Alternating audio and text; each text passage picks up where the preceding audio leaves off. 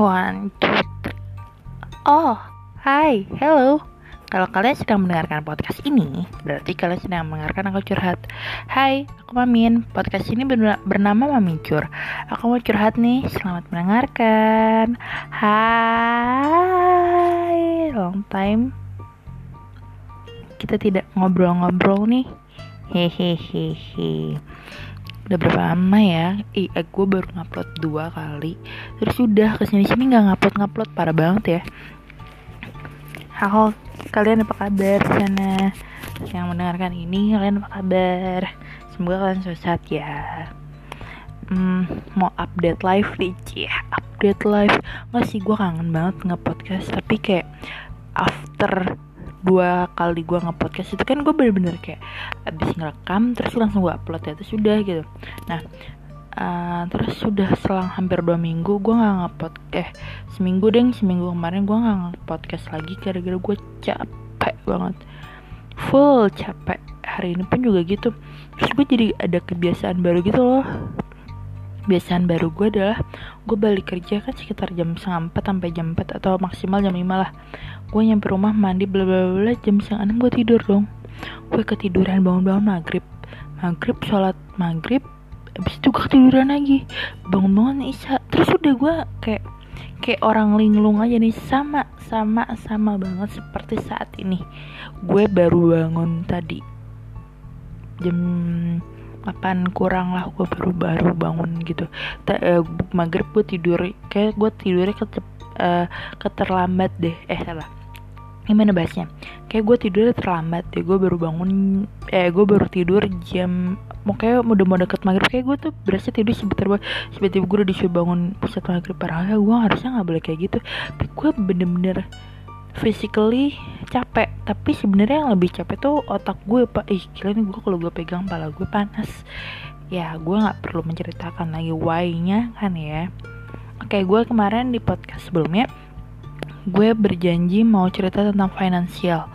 So banget gak sih gue mau ngomongin finansial? Bahasanya uang ngomongin uang oke gue mau belak belak eh, gue sih orangnya belak belakan uh, after gue ngepost podcast ini kayaknya gue bakalan ngepodcast bareng teman-teman gue. Kalau kalian mendengarin dengerin ya. Tapi kalau nggak ya udah skip aja. Tapi kayaknya seru nih obrolan gue. Sebenarnya itu cuma latihan untuk di podcast aslinya. Tapi ya dengerin aja. Oke? Okay? hmm, gue tadi mau ngomongin finansial. Oke. Okay. gue mulai pertama kali bekerja itu mendapatkan gaji.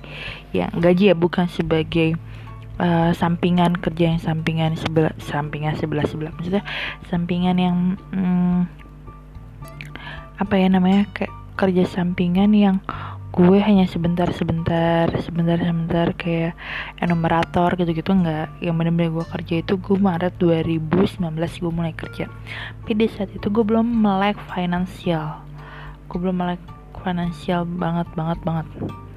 Gue baru melek finansial itu di tahun 2019 itu juga sih tapi perkiraan habis lebaran.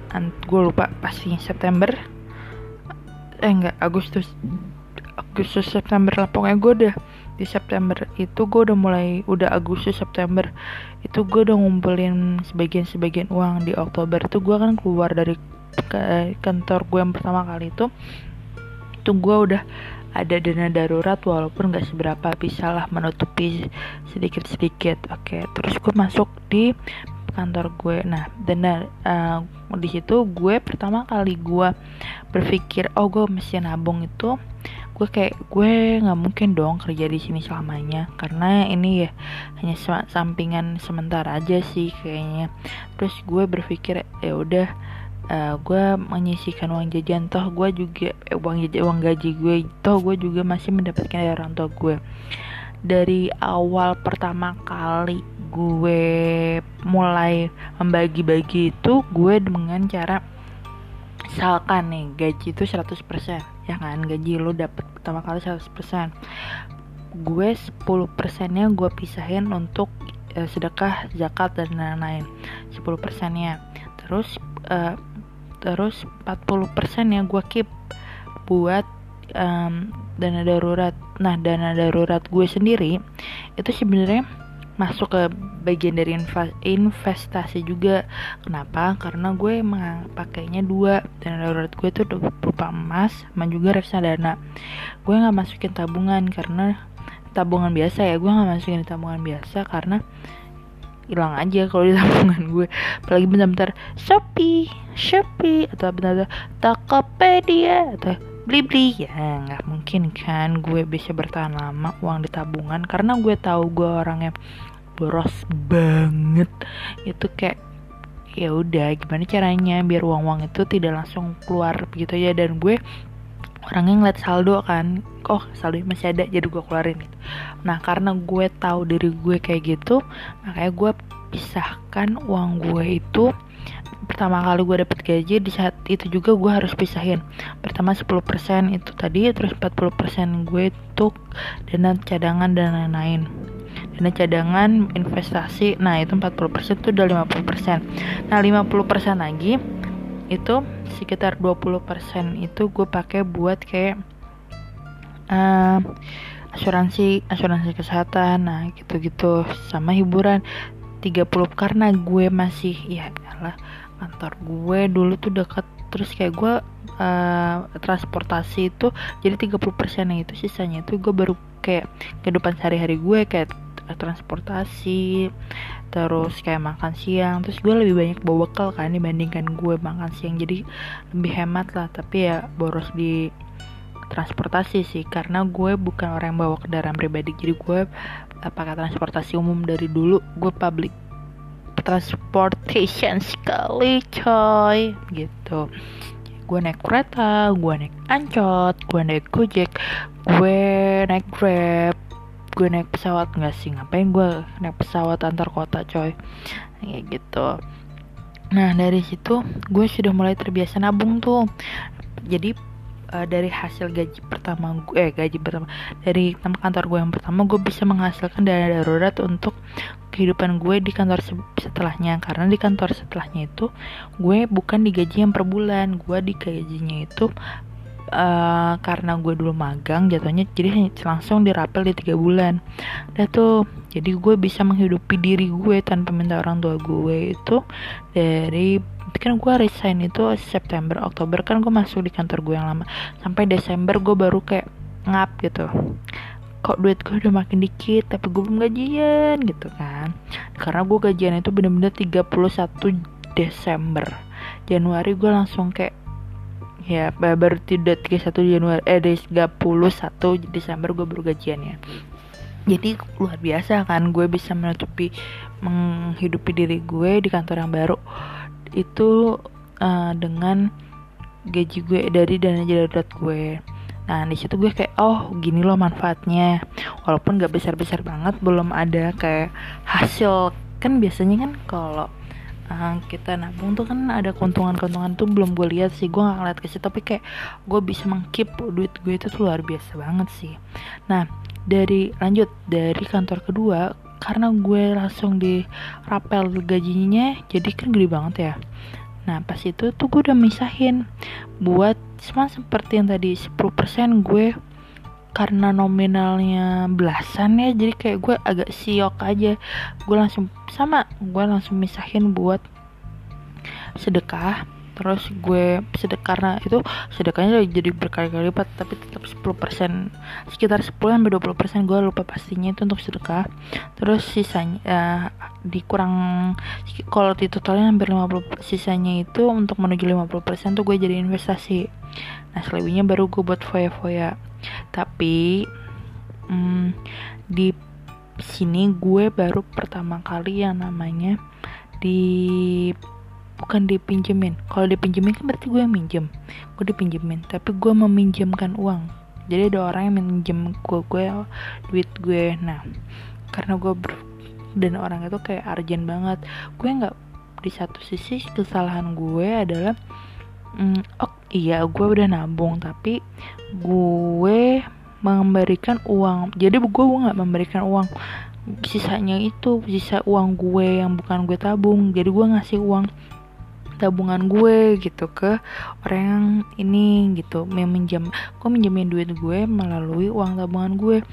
Gue penyesalannya ternyata gue masih sampai sekarang loh. Kayak karena apa? Karena prinsip hidup gue adalah gue tidak mau bayar hutang gitu. Gue aja di kantor nih kalau ada yang gue misalkan ada yang kurang nih duit seribu dua ribu aja gue masih gue kayak gue inget gue catat gitu ini uh, gue minjem ke siapa ke siapa. Karena gue gak mau gue nggak mau berhutang dan gue nggak mau salahnya tapi kenapa gue mau diutangin gitu?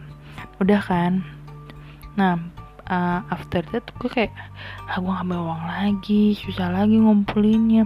Karena gue syok aja sih dari tabungan gue yang tadinya cuman sejuta dua juta sampai sekarang tuh bisa tiga eh enggak empat kali lipat di tabungan gue yang sebelumnya. Banyak banget tapi gue karena gue minjemin orang itu jadi gue nggak kayak nggak merasakan tabungan gue itu. Apalagi itu habis itu nggak lama dari orang itu minjem pandemi dong. Terus gue nggak tahu kabar dari uang itu gimana sampai sekarang. Karena selalu orang yang minjem ini gak langsung straight to gue kayak kayak ada pihak kedua yang menjadi perantara gitu loh. Jadi uh, gue dipinjam gue gimana ya orang yang minjemin minjem uang ke gue itu melalui orang perantara ini untuk ngomong ke gue gitu. Nah after long kayak ya udah gue mulai lagi kan ngumpulin lagi di bulan Maret. Karena itu kejadian Januari. Januari gue udah mulai eh gue udah tabungin untuk dana darurat. Di Februari dipinjemin close kan hilang dah tuh uang gue. Karena bener-bener dana darurat gue diambil semua saat itu karena butuhnya lumayan uh, lumayan lah. Nah habis gitu gue di Maret mulai nabung lagi karena eh gue mulai nabung lagi kan. Nabung nabung Maret April Mei Juni Juli. Nah di Juli untungnya gue punya dana darurat walaupun gak banyak. Itu sama uh, gue misalkan gue karena gue kebiasaan itu 50 hampir 50% itu gue pisahin untuk pertama kali dana darurat di Juli itu ternyata gue dapat musibah gue masuk rumah sakit. Nah, walaupun gue ada asuransi tapi asuransi gue tidak apa ya kalau lu pakai BPJS masuk eh, misalnya masuk pertama kali uh, ke rumah sakit pakai BPJS kan ribet ya. Jadi gue pakainya adalah uh, jalur umum dulu jadi gue masuk rumah sakit gue pas itu gue sakit gue sakit gue masuk jalur umum dulu. Jadi gue masuk uh, dapat gila gak sih gue sampai ke dapat ruangan VIP pas itu. Nah itu bayarnya pakai uang uh, kumpulan gue uang dana darurat gue. Oh terus gue, gue menikmati yang kedua kalinya manfaat dari uang dana darurat gue. Tapi gue nggak bisa membayar full. Akhirnya ditomboknya sama orang tua gue. Tapi di satu sisi kayak gue tuh harusnya nggak ngutangin ke orang itu. Ya nggak sih? Tapi sayangnya dia minta ke ke gue lewat orang kedua di mana gue nggak bisa nolak nggak bisa nolak permintaan orang kedua ini. Nah setelah itu Juli tuh Agustus gue juga kayak Agustus gue kayak belum bisa full uh, nabung. Karena gue kayak masih bantuin uh, bayar baik gantiin lah orang uang uang yang keluar itu kan. Terus gue juga cari pekerjaan tambahan untuk nutup untuk ganti uang yang gue pakai itu Agustus gue baru mulai lagi September. September sampai akhirnya September Oktober November Desember Januari. Januari Februari. Bah Februari kemarin seminggu kemarin.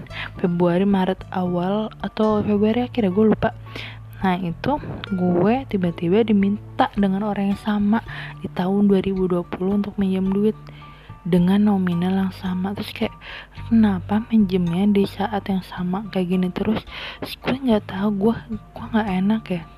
Uh, karena prinsip gue gue nggak gue nggak mau diutang eh gue nggak mau ngutang karena tuh pasti nggak enak banget tapi nggak tahu deh.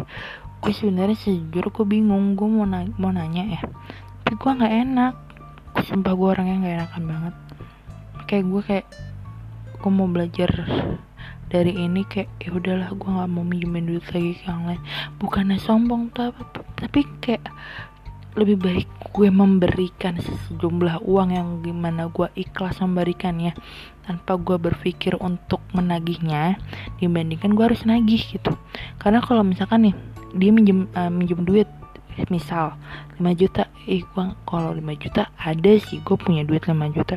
Tapi yang gue ikhlasin minjemin ngasih ke dia berapa ya? Oh 2 juta. Ya udah. 2 juta aja gue ngasihnya.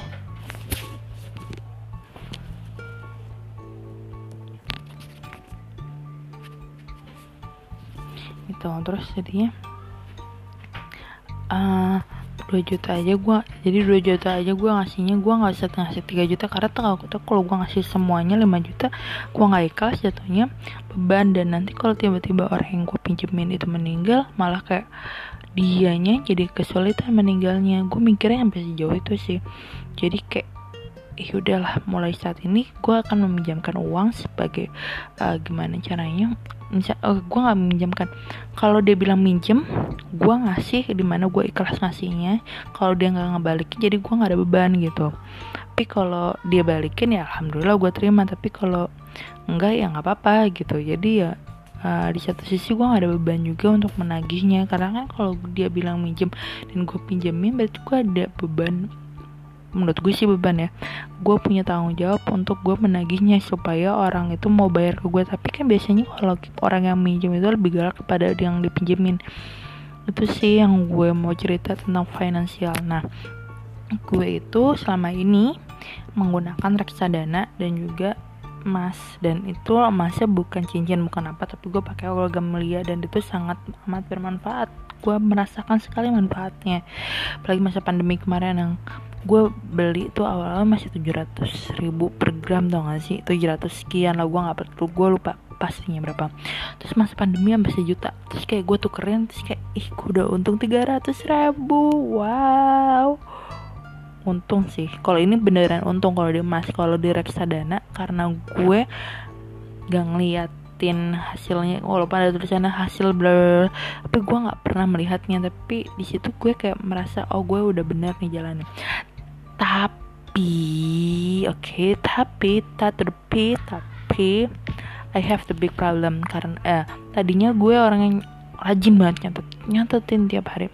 Tapi gara-gara kejadian yang kemarin gue dipinjemin terus gue kayak melihat gue nggak punya uang sama sekali bukan gue nggak punya uang sama sekali masih ada sisa tabungan gue dari misalkan uang eh sih dari uh, sekitar 10% lagi uang tabungan gue masih ada gitu.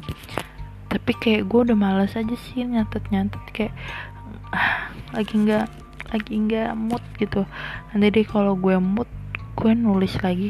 Gue tuh kayak apa ya um, sama nih sama kayak olahraga. Gue tuh sebenarnya orangnya bisa membuat habit nih. Tapi kalau sudah ada sesuatu yang memotong habit gue kayak gue sakit gue lupa gue apa brek lupa. Terus jadinya males males sampai terus untuk bangkitnya lagi tuh yang lama. Gue ke, kemarin minggu kemarin kan gue cerita ya gue sempat mau membangun habit untuk tahajud uh, duha terus olahraga. Apa lagi ya? Gue lupa. Ya tidur. Tidur sama apa ya? Gue inget minum. Minum apa? Gue lupa. Tahajud sama duha aja gue belum eh sama ngaji. Tahajud sama duha sama ngaji aja ini belum belum terlaksana sampai sekarang. Gue udah berniat tapi kayak ya Allah setan-setan ini bergentayangan di sekitar gue gue nggak bisa. Kayak parah banget gue nggak bisa. Harusnya gue mencoba. Nanti deh gue akan mencoba lagi untuk melakukannya. Doakan ya. Terus minum minum oke okay lah. Gue bisa masih bisa masih sampai sekarang. Kayak menggorengnya ausan. Terus yang terakhir tidur tidur tuh kalau gue lagi bisa bisa gue tidur 7 jam 8 jam tuh gue bisa. Tapi kalau lagi kayak gak bener gue tuh kalau habis tidur mager gitu ya gue bisa bisa tidur jam walaupun gak gue nggak ngerti gue nggak ngapa-ngapain loh. Gue sih kenapa nggak gue podcast ya? Gue tuh tidur tuh jam 1 jam 2 jam 11 paling cepet. Kayak gitu bangun jam jam 5 gue bangun. Ya parah ya. Ih gue melihat habit gue jelek banget sekarang. Dulu gue bisa membangun habit yang bagus terus sampai kayak gue olahraga itu gue kemarin baru mencoba olahraga lagi ya. Biasanya gue udah sampai 30-40 menit gue sanggup tadinya ya tadinya. Sekarang gue kemarin mencoba lagi setelah after sebenarnya gue gak lama-lama banget sekitar satu bulanan. Eh gue haid itu kapan ya Februari minggu kedua atau minggu ketiga ya gue lupa. Itu pokoknya sejak gue haid gue nggak olahraga dan itu bener-bener parah banget gue yang biasanya bisa udah nyampe 40 menit sehari untuk olahraga ini cuma 7 menit. Gue kayak udah ngap coy udah nggak kuat lagi. Jadi ya udahlah. Gitu aja update dari gue. Lo harus stay tune abis ini. Gue bakalan bikin podcast bersama teman-teman gue. Oke? okay? Selamat mendengarkan podcast gue selanjutnya. Oke, terima kasih bagi kalian yang sudah mendengarkan podcast ini. Dadah.